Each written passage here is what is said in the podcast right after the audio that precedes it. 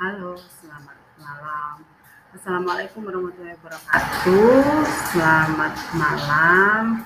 Uh, kita, saya akan mencoba menjelaskan materi metodologi penelitian dengan rekaman ya, biar bisa diulang-ulang untuk belajarnya sedikit demi sedikit step by step gitu ya. Uh, minggu kemarin kita sudah belajar tentang materi bab 1 pendahuluan yang berisi tentang latar belakang, kemudian tujuan penelitian dan juga rumusan masalah. Sedangkan untuk malam hari ini kita akan mencoba belajar tentang membuat kerangka berpikir. Jadi nanti Anda coba buka slide-nya yang saya share di GCR dan kemudian juga buka answer uh, rekaman dari apa yang sudah saya jelaskan malam ini. Oke, kita mulai saja dengan kerangka berpikir. Apa sih itu kerangka berpikir? Kerangka berpikir itu eh, atau biasa disebut dengan kerangka pemikiran, sebuah frame gitu ya. Kerangka itu kan frame ya.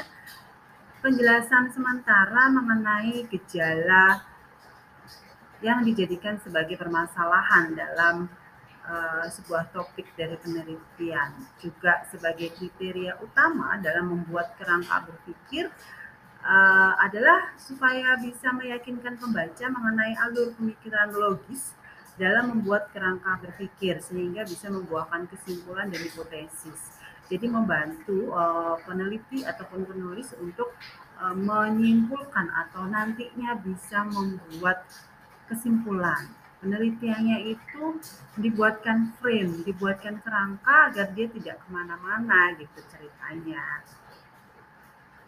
Selanjutnya di sini ada ciri-ciri dari kerangka pemikiran. Karena ini adalah kerangka pemikiran merupakan susunan konstruksi logika yang diatur dalam rangka menjelaskan variabel yang diteliti, juga kerangka pemikiran dirumuskan untuk menjelaskan konstruksi aliran logika untuk mengkaji secara sistematis kenyataan empirik. Kerangka pemikiran juga ditujukan untuk memperjelas variabel yang diteliti sehingga elemen pengukurnya dapat dirinci secara konkret. Jadi kerangka pemikiran harus menerangkan apa? Yang pertama adalah menerangkan penelitian yang dilakukan. Kemudian bagaimana proses penelitian dilakukan, apa yang akan diperoleh dari penelitian tersebut dan untuk apa hasil penelitian tersebut diperoleh gitu ya untuk apa penelitian itu gitu ya. Jadi uh, sudah selayaknya suatu kerangka berpikir itu memenuhi kriteria sebagai berikut.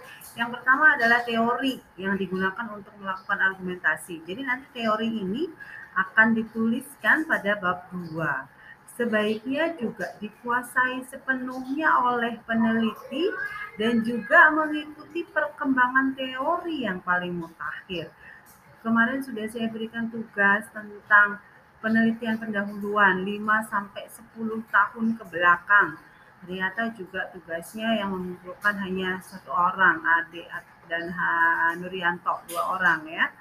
Itu uh, yang lainnya belum.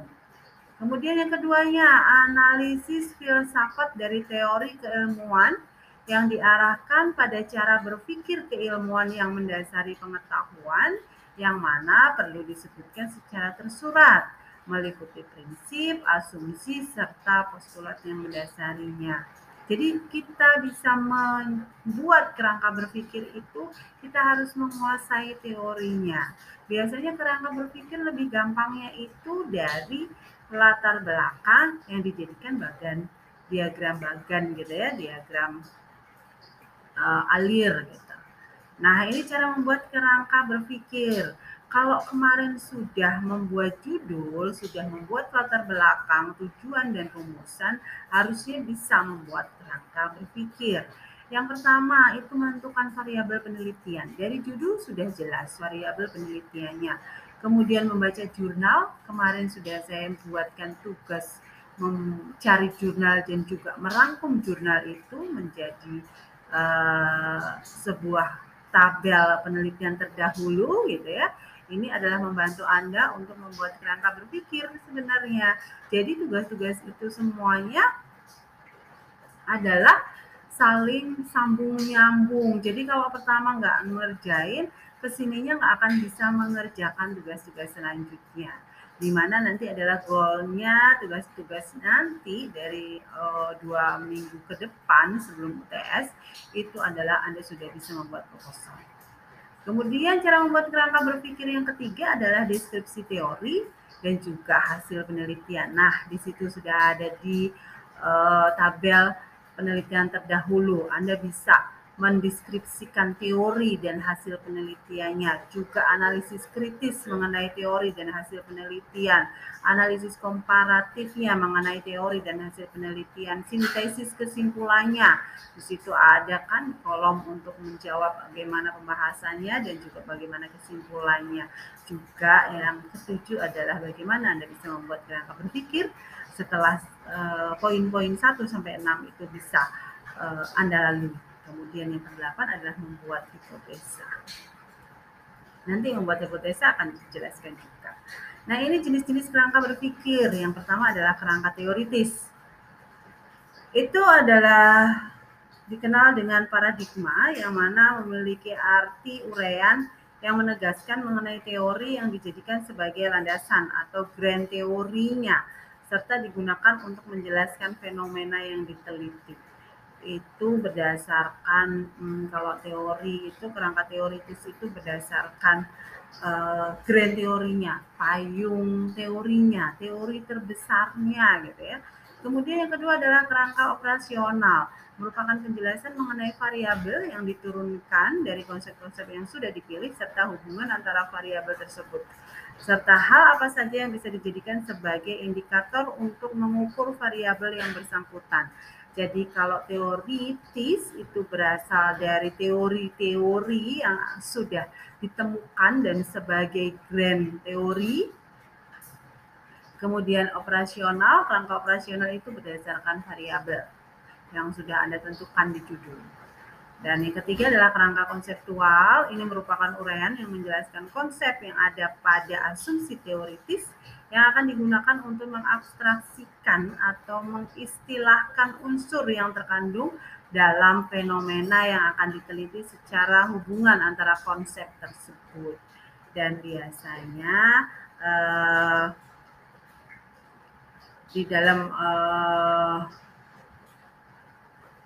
membuat kerangka berpikir itu ada bentuknya ya tadi jenisnya jenis-jenis dari kerangka berpikir kita mau nanti mau masuk ke kerangka apa? Biasanya kalau saya sih kerangka konseptual. Kerangka konseptual itu gabungan antara teoritis dan juga operasional. Di sini contohnya sudah ada nih. Contoh kerangka pemikiran. Yang pertama saya kasih uh, contohnya dua. Yang pertama itu di sini ada permasalahan. Diambil dari latar belakang biasanya krisis ekonomi persaingan yang ketat gitu ya. Ini tentang uh, perekonomian. Selera konsumen yang senantiasa berubah. Itu kan diambil dari latar belakang. Kenapa muncul permasalahan itu? Yang keduanya muncullah adanya strategi pemasaran pelayanan harga kelengkapan barang dan promosi.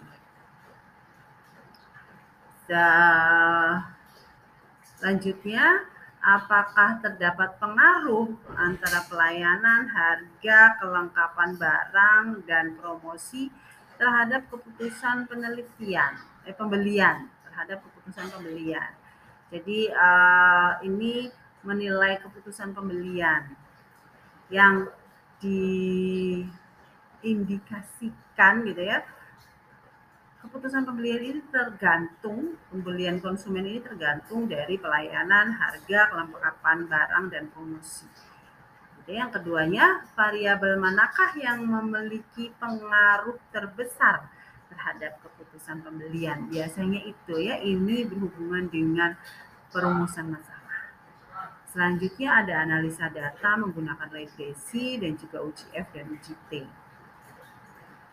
Dan di sini setelah analisa data dilakukan, itu ternyata ada pengaruh pelayanan harga, eh, pengaruh pelayanan harga, kelengkapan barang dan promosi terhadap keputusan pembelian dan variabel yang paling besar berpengaruh eh, itu masih jadi pertanyaan. Yang poin pertama tadi ada pengaruh pelayanan, harga kelengkapan, barang, dan promosi terhadap keputusan pembelian ini termasuk hipotesis. Nah itu nanti kembali lagi atau ada feedbacknya, umpan baliknya terhadap uh, pemberian solusi yaitu adanya strategi pemasaran, pelayanan, harga, kelengkapan barang dan promosi. Contoh pemikiran uh, kerangka pemikiran yang kedua adalah ada judulnya yang ini ya, penilaian loyalitas pada keputusan pembelian juga training online konsumen wanita. Jadi hanya menilai tentang loyalitas sebelum dia sampai ke loyalitas itu kan ada keputusan pembelian, kemudian ada satisfaction atau kepuasan gitu ya pada pembelian training online dan hanya dilakukan pada konsumen wanita. Di sini ada training online penyelenggara training online-nya atau training online provider sebuah perusahaan gitu ya. Kemudian dia punya konsumen wanita. Semua konsumennya itu adalah wanita dan wanita ini perlu pengembangan diri untuk uh, penyediaan jasanya sendiri di perusahaan ini adalah ada pelatihan menulis, pelatihan bisnis gitu ya, juga untuk pengembangan diri. Selanjutnya ada variabel-variabel yang ini kita lakukan atau kita perlakukan kepada konsumen wanita yang ada di perusahaan itu. Di sini ada uh, TAM, perfect uh, usefulness variabelnya.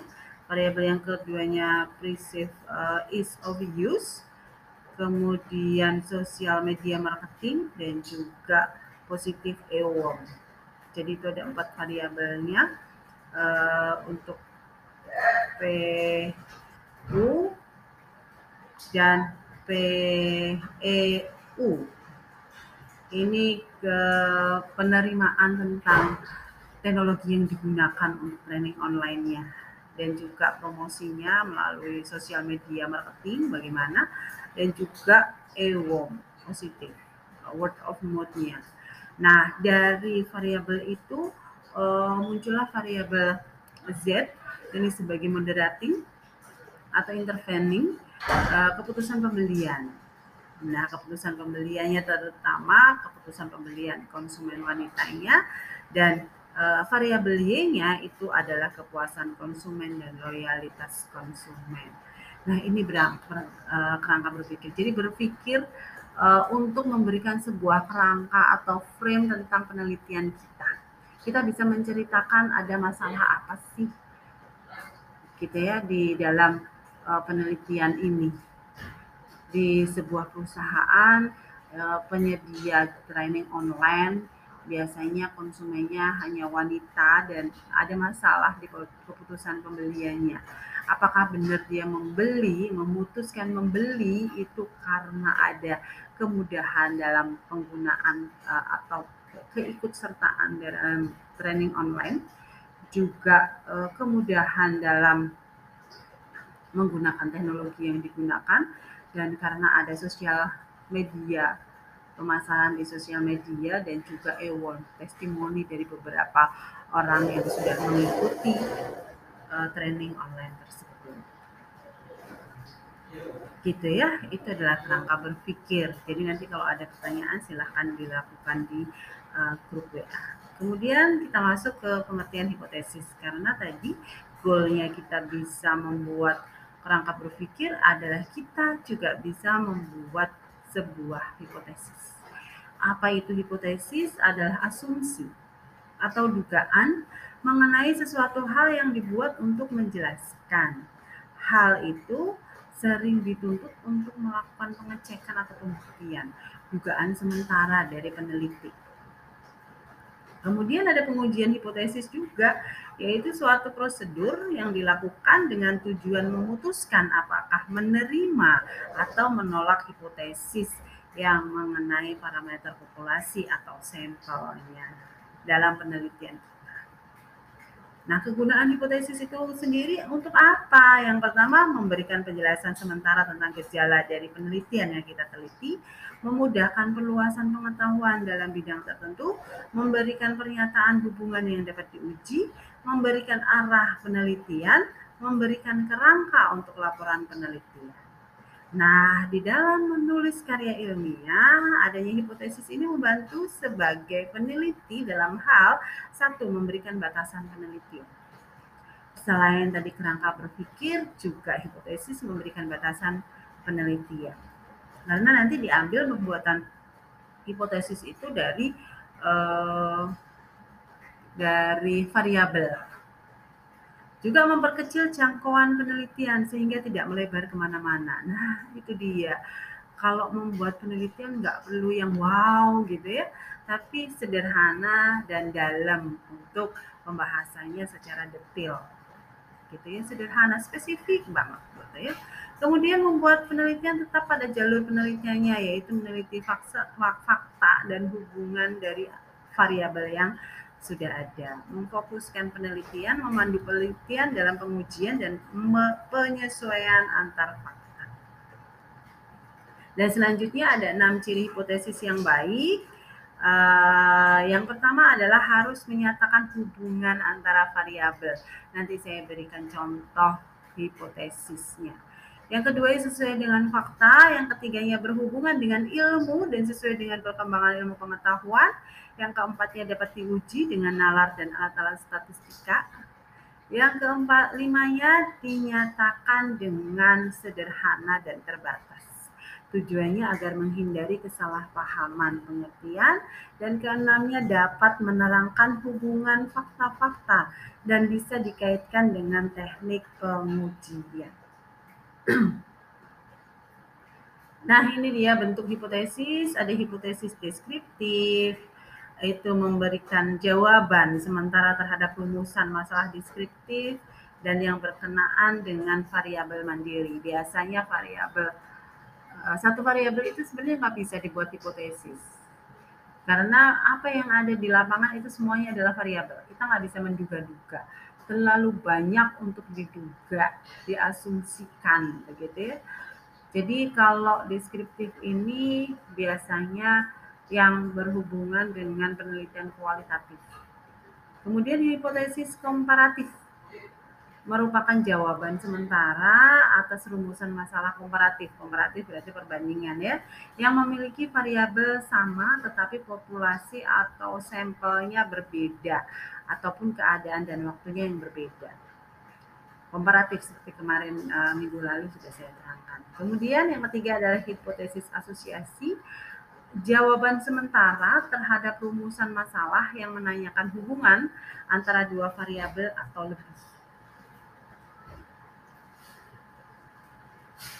Selanjutnya ini ada penjelasannya lagi tentang hipotesis deskriptif.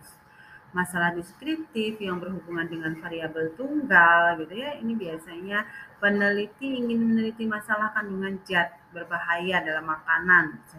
Rumusan masalahnya apakah bakso yang dijual di pasar sumber sari mengandung borak dan hanya mempunyai satu variabel yaitu bakso di pasar sumber sari. Dan penelitian ini bersifat deskriptif karena hanya menjelaskan apakah ada kandungan borak di dalam bakso atau tidak. Jika dugaan sementara ada dua, yaitu bakso di sumber sari mengandung boraks, berarti H1, dan bakso di pasar sumber sari tidak mengandung boraks, berarti H0. Nah, kita bisa menduga-duga gitu, menghipotesis kira-kira bakso yang ada di sumber sari itu mengandung boraks nggak sih? Kalau kita bilang mengandung boraks karena banyak keluhan, banyak bukti yang sudah mengarah ke sana, berarti hipotesisnya diterima. Berarti dia H1. Tapi kalau nggak banyak, ternyata nggak ada buktinya, sudah diteliti pun juga tidak terbukti, berarti hipotesisnya ditolak atau H0. Kemudian hipotesis komparatif. Jenis hipotesis selanjutnya adalah komparatif. Dugaan sementara yang berisi perbandingan antara dua variabel penelitian. Misalnya kamu akan penelitian uh, tentang perilaku penggemar Korea K-pop. Dan perilaku penggemar Japanese pop atau J-pop. Kamu tidak membandingkan dua perilaku penggemar tersebut. Dalam penelitian tersebut ada dua variabel bentuk penelitiannya yaitu perbandingan uh, yang suka dengan penggemar K-pop dan J-pop. Gitu ya. Maka hipotesisnya adalah yang pertama penggemar K-pop memiliki perilaku yang sama dengan perilaku penggemar J-pop atau penggemar K-pop memiliki perilaku yang berbeda dengan perilaku penggemar J-pop ini hipotesisnya dugaan kita gitu ya Selanjutnya, hipotesis asosiatif. Anda sering atau menggunakan eh, judul-judul uh, yang berhubungan dengan asosiatif. Jenis hipotesis asosiatif yang terakhir adalah hipotesis uh, ini merupakan dugaan atau jawaban sementara atas hubungan dua variabel atau lebih. Jadi, bila kamu meneliti hubungan, hubungan itu asosiasi, variabel-variabel penelitian, maka hipotesis yang digunakan adalah hipotesis asosiatif. Sebagai contoh, kamu akan meneliti tentang hubungan antara perilaku aktor negara dengan kebijakan luar negeri. Dalam penelitian ini ada dua variabel, perilaku aktor negara dan kebijakan luar negeri. Sebagai peneliti, kamu ingin meneliti hubungan keduanya. Pertanyaan yang muncul, apakah perilaku aktor negara berpengaruh terhadap kebijakan luar negeri? Nah, hipotesisnya perilaku aktor negara berpengaruh terhadap kebijakan luar negeri. Yang keduanya, perilaku aktor negara tidak berpengaruh terhadap kebijakan luar negeri. Namun karena ini masih hipotesis, maka kebenarannya harus ditemukan melalui serangkaian penelitian. Dan hasil penelitian nantinya bisa mendukung hipotesis dan justru atau justru membantah hipotesis. Nah, sekarang hipotesis statistik yang keempat itu menyatakan secara matematis tentang populasi yang diteliti. Hipotesis ini dinyatakan dalam simbol-simbol matematika. Jadi pertanyaannya mengenai hubungan variabel digambarkan dalam simbol matematika. Alternatif, hipotesis alternatif HA dan hipotesis 0 itu H0. Jadi sini serupa dengan hipotesis deskriptif tadi HA, H1 dan H0 gitu ya. Namun terdapat perbedaan dalam penyebutan hipotesisnya. Ada dua jenis hipotesis yaitu hipotesis alternatif HA dan hipotesis 0 atau HO. Nah, ini hipotesis alternatif itu adalah hipotesis yang menyatakan perbedaan satu variabel dengan variabel lainnya. Akan tetapi hipotesis ini juga diartikan adanya hubungan satu variabel dengan variabel lainnya. Sedangkan hipotesis nol kebalikan dari hipotesis alternatif. Hipotesis nol menyatakan tidak ada hubungan antar variabel. Hipotesis ini juga dipakai untuk menyatakan tidak ada perbedaan atau tidak ada pengaruh antar variabel. Gitu ya, hipotesis statistik dibedakan menjadi hipotesis dua arah dan hipotesis satu arah. Ini HA M1 tidak sama dengan M2, hipotesis dua arah, kurang spesifik. Kalau HA yang M1 lebih besar dari M2, nah itu dua arah, tepat dan spesifik. Nah, ini contoh dari oh, sebenarnya dari disertasi saya gitu ya, ada banyak uh, hipotesisnya. H01. Tidak ada pengaruh yang signifikan antara service quality terhadap kepuasan konsumen wanita. H02-nya tidak ada pengaruh yang signifikan antara trust terhadap kepuasan konsumen wanita. H03-nya tidak ada pengaruh yang signifikan antara teknologi terhadap kepuasan konsumen wanita. H04-nya tidak ada pengaruh yang signifikan antara komitmen terhadap kepuasan konsumen wanita. H5-nya tidak ada pengaruh yang signifikan antara cost kontak terhadap kepuasan konsumen wanita. Nah, yang saya sebutkan tadi di, di sebelumnya tidak ada pengaruh yang signifikan antara self quality, trust, teknologi, uh, komitmen, uh, cost kontak itu variabel X-nya. Terhadap kepuasan konsumen, terhadap kepuasan konsumen itu variabel Y-nya. Itu cara membuat hipotesis. Selanjutnya, ada hipotesis penelitian. Itu tadi hipotesis statistik ya. Hipotesis penelitian itu bisa disebut dengan hipotesis substansi. Kenapa? Karena hipotesis ini berisi pernyataan mengenai relasi dua variabel atau lebih. Bila kamu perhatikan hipotesis ini sama dengan hipotesis asosiatif. Hipotesis ini tidak menyatakan dalam bentuk simbol matematika tapi dalam bentuk kalimat. Nah, sumber informasi yang bisa dirujuk oleh peneliti untuk merumuskan hipotesis itu apa saja? Yang pertama adalah ilmu pengetahuan yang mendalam tadi jurnal-jurnal yang sudah didapatkan, dibaca, kemudian buku-buku tentang teori dari variabel juga dibaca, yang berkaitan dengan masalah atau fenomena yang diteliti. Banyak baca ya. Yang keduanya wawasan mendalam, yang ketiganya bacaan literatur yang valid, pengalaman individu, data empiris, itu data-data yang sesuai dengan fakta, analogi atau kesamaan. Bisa juga menggunakan animasi animasi atau masalah atau fenomena yang hendak diteliti. Begitu ya, dan pengujian hipotesis setelah hipotesis itu tadi sudah ditentukan, sudah dibuat, hipotesis itu kan dugaan ya, perlu diuji. Benar nggak sih dugaan saya? Gitu ya. Kewajiban peneliti tidak cuma merumuskan hipotesis. Jadi nggak hanya membuat hipotesis, tapi juga harus menguji hipotesis dan tujuan pengujiannya adalah untuk mengetahui apakah hipotesis diterima atau hipotesisnya ditolak. Langkah-langkah pengujiannya sebagai berikut. Yang pertama, merumuskan hipotesis. Tadi rumusan hipotesisnya mau pakai yang mana? Kalau statistik berarti pakai simbol-simbol. Kalau memang judulnya asosiatif berarti pakai uh, hipotesis asosiatif tapi juga ada statistiknya pakai simbol-simbolnya. Kemudian yang kedua menentukan kriteria pengujian. Ini dengan analisa data.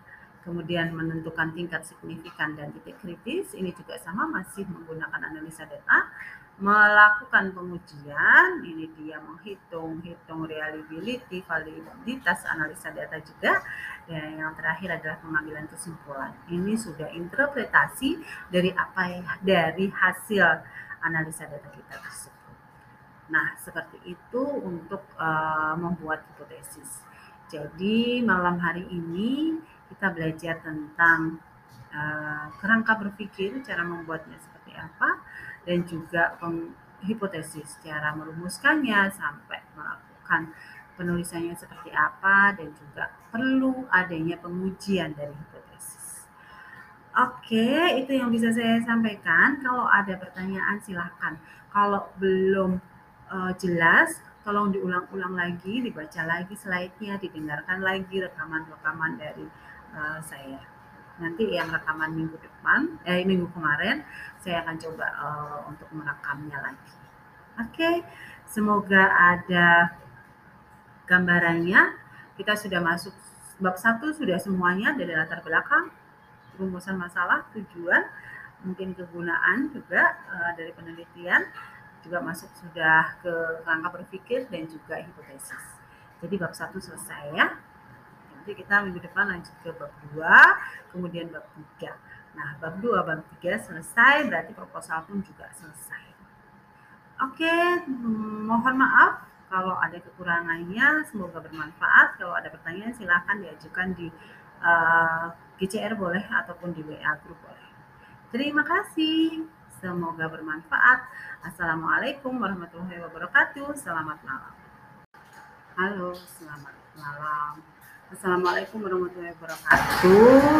Selamat malam. Uh, kita saya akan mencoba menjelaskan materi metodologi penelitian dengan rekaman ya biar bisa diulang-ulang untuk belajarnya sedikit demi sedikit step by step gitu ya.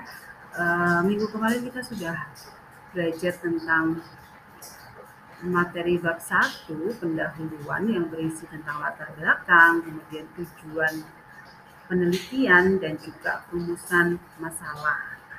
Sedangkan untuk malam hari ini kita akan mencoba belajar tentang membuat kerangka berpikir. Jadi nanti Anda coba buka slide-nya yang saya share di GCR dan kemudian juga buka answer uh, rekaman dari apa yang sudah saya jelaskan malam ini. Oke, kita mulai saja dengan kerangka berpikir. Apa sih itu kerangka berpikir? Kerangka berpikir itu uh, atau biasa disebut dengan kerangka pemikiran, sebuah frame gitu ya. Kerangka itu kan frame ya. Penjelasan sementara mengenai gejala yang dijadikan sebagai permasalahan dalam uh, sebuah topik dari penelitian. Juga sebagai kriteria utama dalam membuat kerangka berpikir uh, adalah supaya bisa meyakinkan pembaca mengenai alur pemikiran logis dalam membuat kerangka berpikir sehingga bisa membuahkan kesimpulan dan hipotesis. Jadi membantu uh, peneliti ataupun penulis untuk uh, menyimpulkan atau nantinya bisa membuat kesimpulan penelitiannya itu dibuatkan frame, dibuatkan kerangka agar dia tidak ke mana-mana gitu ceritanya. Selanjutnya di sini ada ciri-ciri dari kerangka pemikiran. Karena ini adalah kerangka pemikiran merupakan susunan konstruksi logika yang diatur dalam rangka menjelaskan variabel yang diteliti, juga kerangka pemikiran dirumuskan untuk menjelaskan konstruksi aliran logika untuk mengkaji secara sistematis kenyataan empirik. Kerangka pemikiran juga ditujukan untuk memperjelas variabel yang diteliti sehingga elemen pengukurnya dapat dirinci secara konkret. Jadi kerangka pemikiran harus menerangkan apa? Yang pertama adalah menerangkan penelitian yang dilakukan. Kemudian bagaimana proses penelitian dilakukan, apa yang akan diperoleh dari penelitian tersebut dan untuk apa hasil penelitian tersebut diperoleh gitu ya untuk apa penelitian itu gitu ya. Jadi uh, sudah selayaknya suatu kerangka berpikir itu memenuhi kriteria sebagai berikut. Yang pertama adalah teori yang digunakan untuk melakukan argumentasi. Jadi nanti teori ini akan dituliskan pada bab 2 sebaiknya juga dikuasai sepenuhnya oleh peneliti dan juga mengikuti perkembangan teori yang paling mutakhir. Kemarin sudah saya berikan tugas tentang penelitian pendahuluan 5 sampai 10 tahun ke belakang. Ternyata juga tugasnya yang mengumpulkan hanya satu orang, Ade dan Nurianto, dua orang ya. Itu uh, yang lainnya belum. Kemudian yang keduanya, analisis filsafat dari teori keilmuan yang diarahkan pada cara berpikir keilmuan yang mendasari pengetahuan yang mana perlu disebutkan secara tersurat meliputi prinsip, asumsi, serta postulat yang mendasarinya. Jadi kita bisa membuat kerangka berpikir itu, kita harus menguasai teorinya. Biasanya kerangka berpikir lebih gampangnya itu dari latar belakang yang dijadikan bagan diagram bagan gitu ya, diagram uh, alir gitu. Nah, ini cara membuat kerangka berpikir. Kalau kemarin sudah membuat judul, sudah membuat latar belakang, tujuan dan rumusan, harusnya bisa membuat kerangka berpikir.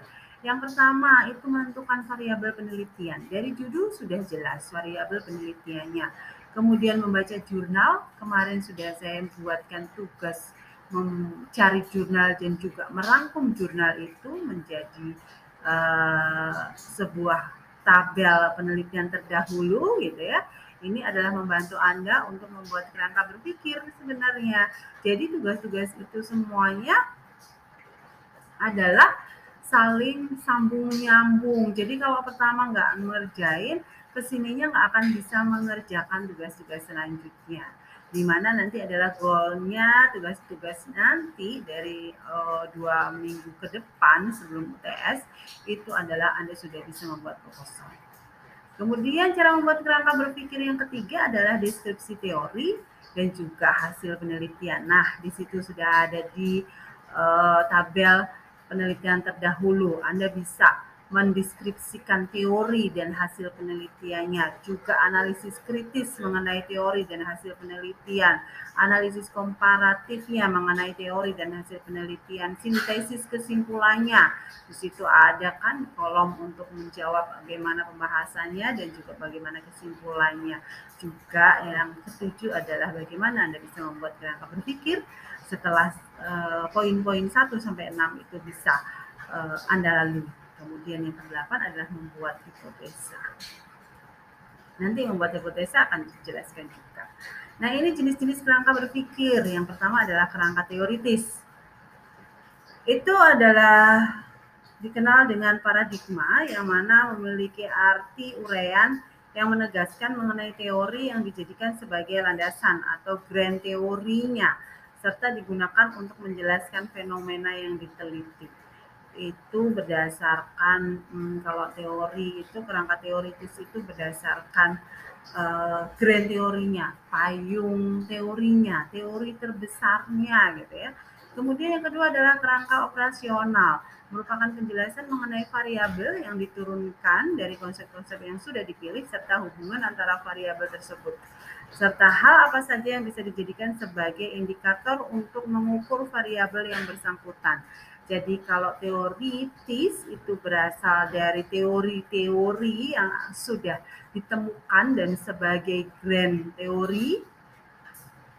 Kemudian operasional, kerangka operasional itu berdasarkan variabel yang sudah Anda tentukan di judul. Dan yang ketiga adalah kerangka konseptual. Ini merupakan uraian yang menjelaskan konsep yang ada pada asumsi teoritis yang akan digunakan untuk mengabstraksikan atau mengistilahkan unsur yang terkandung dalam fenomena yang akan diteliti secara hubungan antara konsep tersebut. Dan biasanya uh, di dalam uh,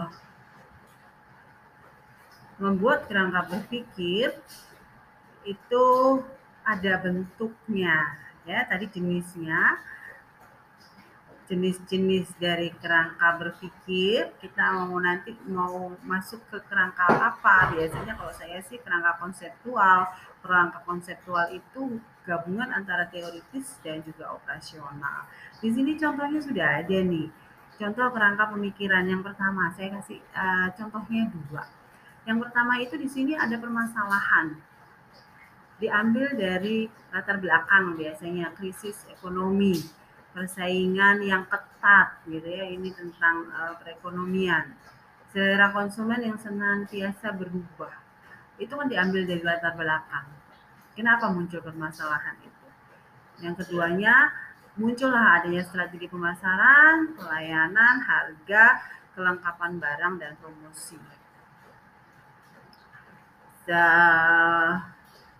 selanjutnya, apakah terdapat pengaruh antara pelayanan, harga, kelengkapan barang, dan promosi terhadap keputusan penelitian, eh, pembelian, terhadap keputusan pembelian.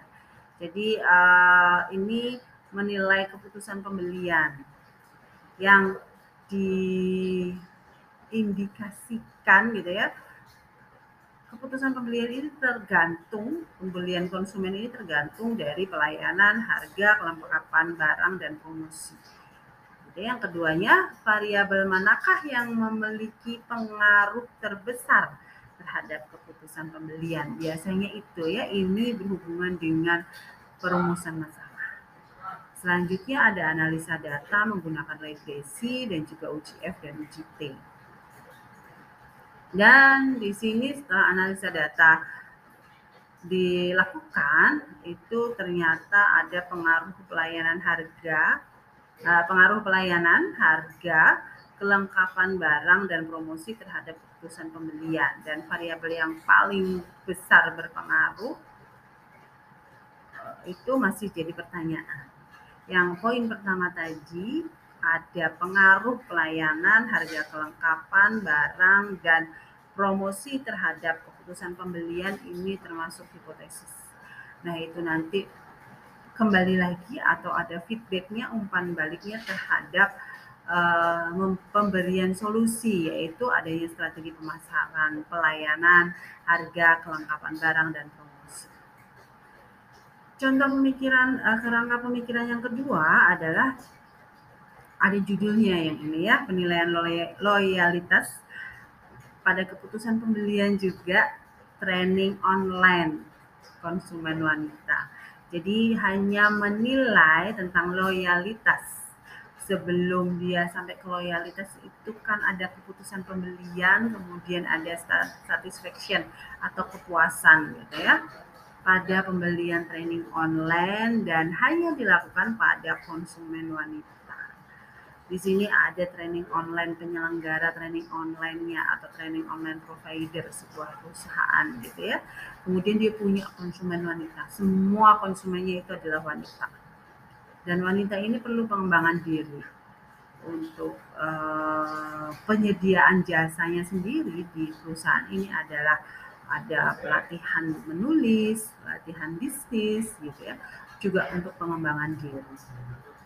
Selanjutnya ada variabel-variabel yang ini kita lakukan atau kita perlakukan kepada konsumen wanita yang ada di perusahaan itu. Di sini ada uh, TAM, perfect uh, usefulness variabelnya. Variabel yang keduanya perceive uh, ease of use, kemudian social media marketing dan juga positive e-worm. Jadi itu ada empat variabelnya uh, untuk PU dan PEU. Ini ke penerimaan tentang teknologi yang digunakan untuk training online-nya dan juga promosinya melalui sosial media marketing bagaimana dan juga EWOM positif word of mouth-nya. Nah, dari variabel itu uh, muncullah variabel Z ini sebagai moderating atau intervening uh, keputusan pembelian. Nah, keputusan pembeliannya terutama keputusan pembelian konsumen wanitanya dan uh, variabel Y-nya itu adalah kepuasan konsumen dan loyalitas konsumen. Nah, ini berang, uh, kerangka berpikir. Jadi berpikir uh, untuk memberikan sebuah kerangka atau frame tentang penelitian kita kita bisa menceritakan ada masalah apa sih gitu ya di dalam uh, penelitian ini di sebuah perusahaan uh, penyedia training online biasanya konsumennya hanya wanita dan ada masalah di keputusan pembeliannya. Apakah benar dia membeli, memutuskan membeli itu karena ada kemudahan dalam penggunaan uh, atau keikutsertaan dalam training online, juga uh, kemudahan dalam menggunakan teknologi yang digunakan, dan karena ada sosial media, pemasaran di sosial media, dan juga award testimoni dari beberapa orang yang sudah mengikuti uh, training online tersebut. Gitu ya itu adalah kerangka berpikir. Jadi nanti kalau ada pertanyaan silahkan dilakukan di grup WA. Kemudian kita masuk ke pengertian hipotesis karena tadi goalnya kita bisa membuat kerangka berpikir adalah kita juga bisa membuat sebuah hipotesis.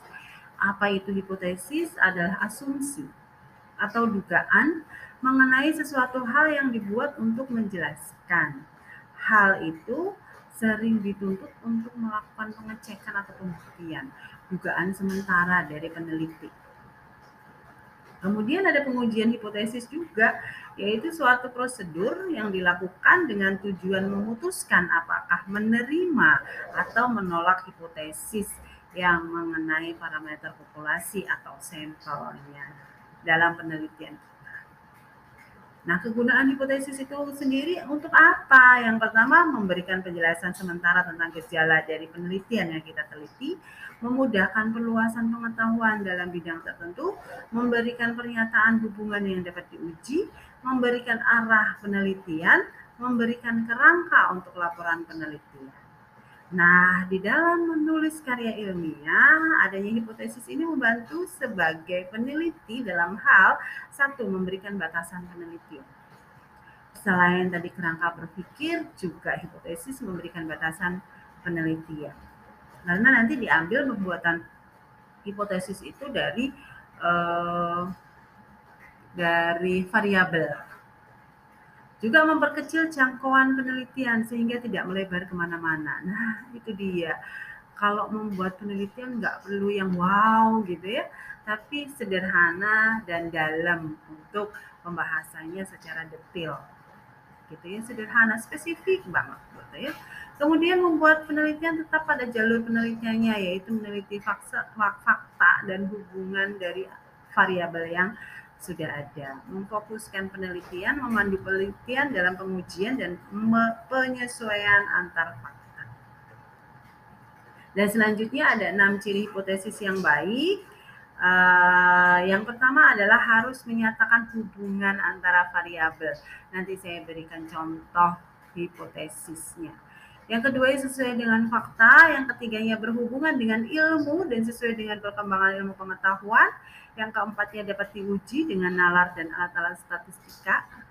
Yang keempat limanya dinyatakan dengan sederhana dan terbatas. Tujuannya agar menghindari kesalahpahaman pengertian dan keenamnya dapat menerangkan hubungan fakta-fakta dan bisa dikaitkan dengan teknik pengujian. nah, ini dia bentuk hipotesis, ada hipotesis deskriptif, itu memberikan jawaban sementara terhadap rumusan masalah deskriptif dan yang berkenaan dengan variabel mandiri. Biasanya variabel eh, satu variabel itu sebenarnya nggak bisa dibuat hipotesis karena apa yang ada di lapangan itu semuanya adalah variabel. Kita nggak bisa menduga-duga.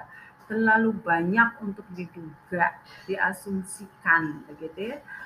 Jadi kalau deskriptif ini biasanya yang berhubungan dengan penelitian kualitatif.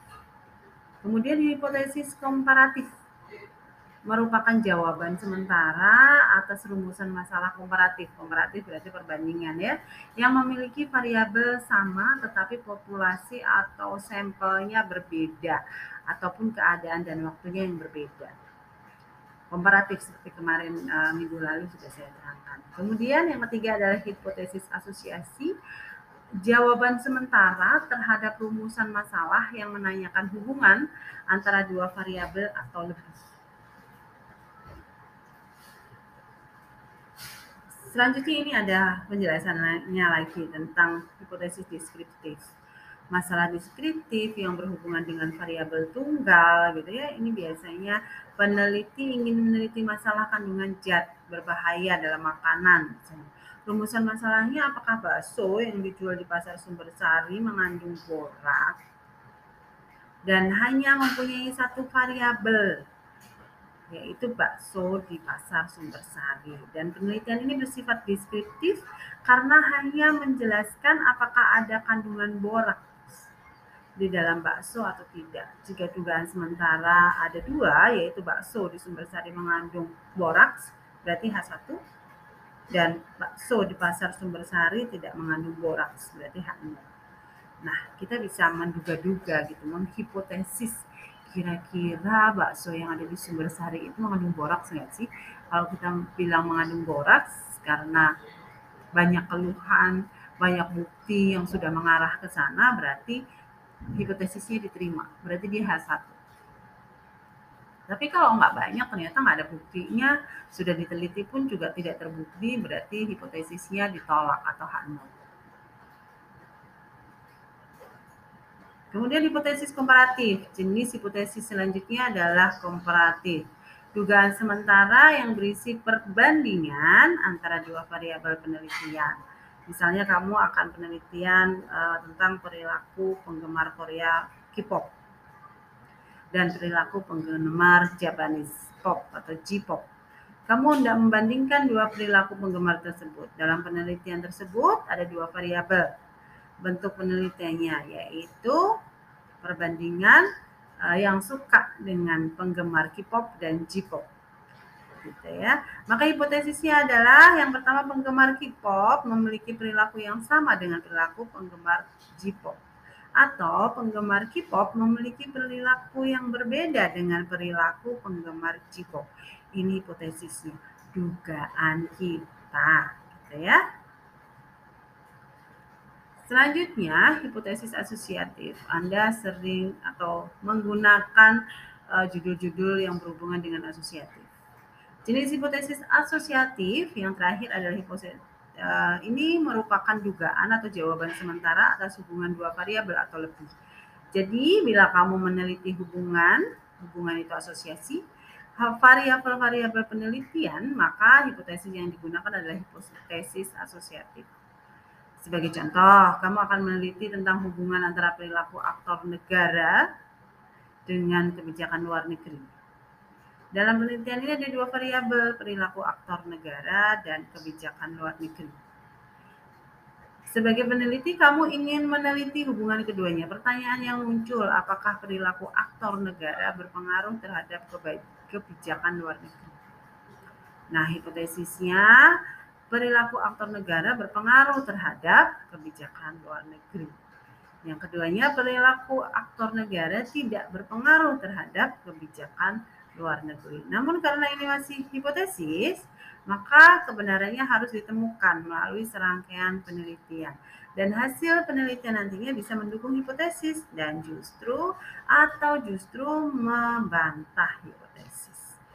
Nah, sekarang hipotesis statistik yang keempat itu menyatakan secara matematis tentang populasi yang diteliti. Hipotesis ini dinyatakan dalam simbol-simbol matematika jadi pertanyaannya mengenai hubungan variabel digambarkan dalam simbol matematika. Alternatif, hipotesis alternatif HA dan hipotesis 0 itu H0. Jadi sini serupa dengan hipotesis deskriptif tadi HA, H1 dan H0 gitu ya. Namun terdapat perbedaan dalam penyebutan hipotesisnya. Ada dua jenis hipotesis yaitu hipotesis alternatif HA dan hipotesis 0 atau HO. Nah, ini hipotesis alternatif itu adalah hipotesis yang menyatakan perbedaan satu variabel dengan variabel lainnya. Akan tetapi hipotesis ini juga diartikan adanya hubungan satu variabel dengan variabel lainnya. Sedangkan hipotesis nol kebalikan dari hipotesis alternatif. Hipotesis nol menyatakan tidak ada hubungan antar variabel. Hipotesis ini juga dipakai untuk menyatakan tidak ada perbedaan atau tidak ada pengaruh antar variabel. Gitu ya, hipotesis statistik dibedakan menjadi hipotesis dua arah dan hipotesis satu arah. Ini HA M1 tidak sama dengan M2, hipotesis dua arah, kurang spesifik. Kalau HA yang M1 lebih besar dari M2, nah itu dua arah, tepat dan spesifik.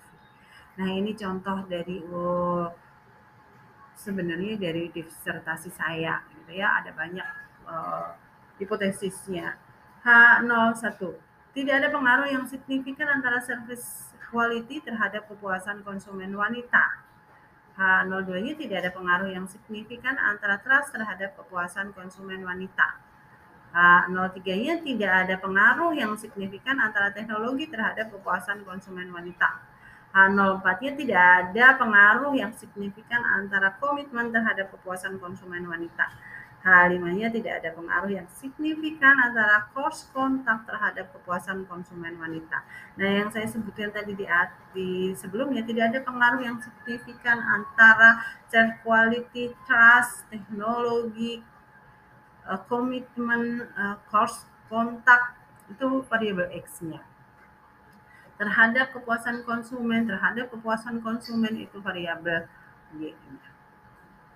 Itu cara membuat hipotesis.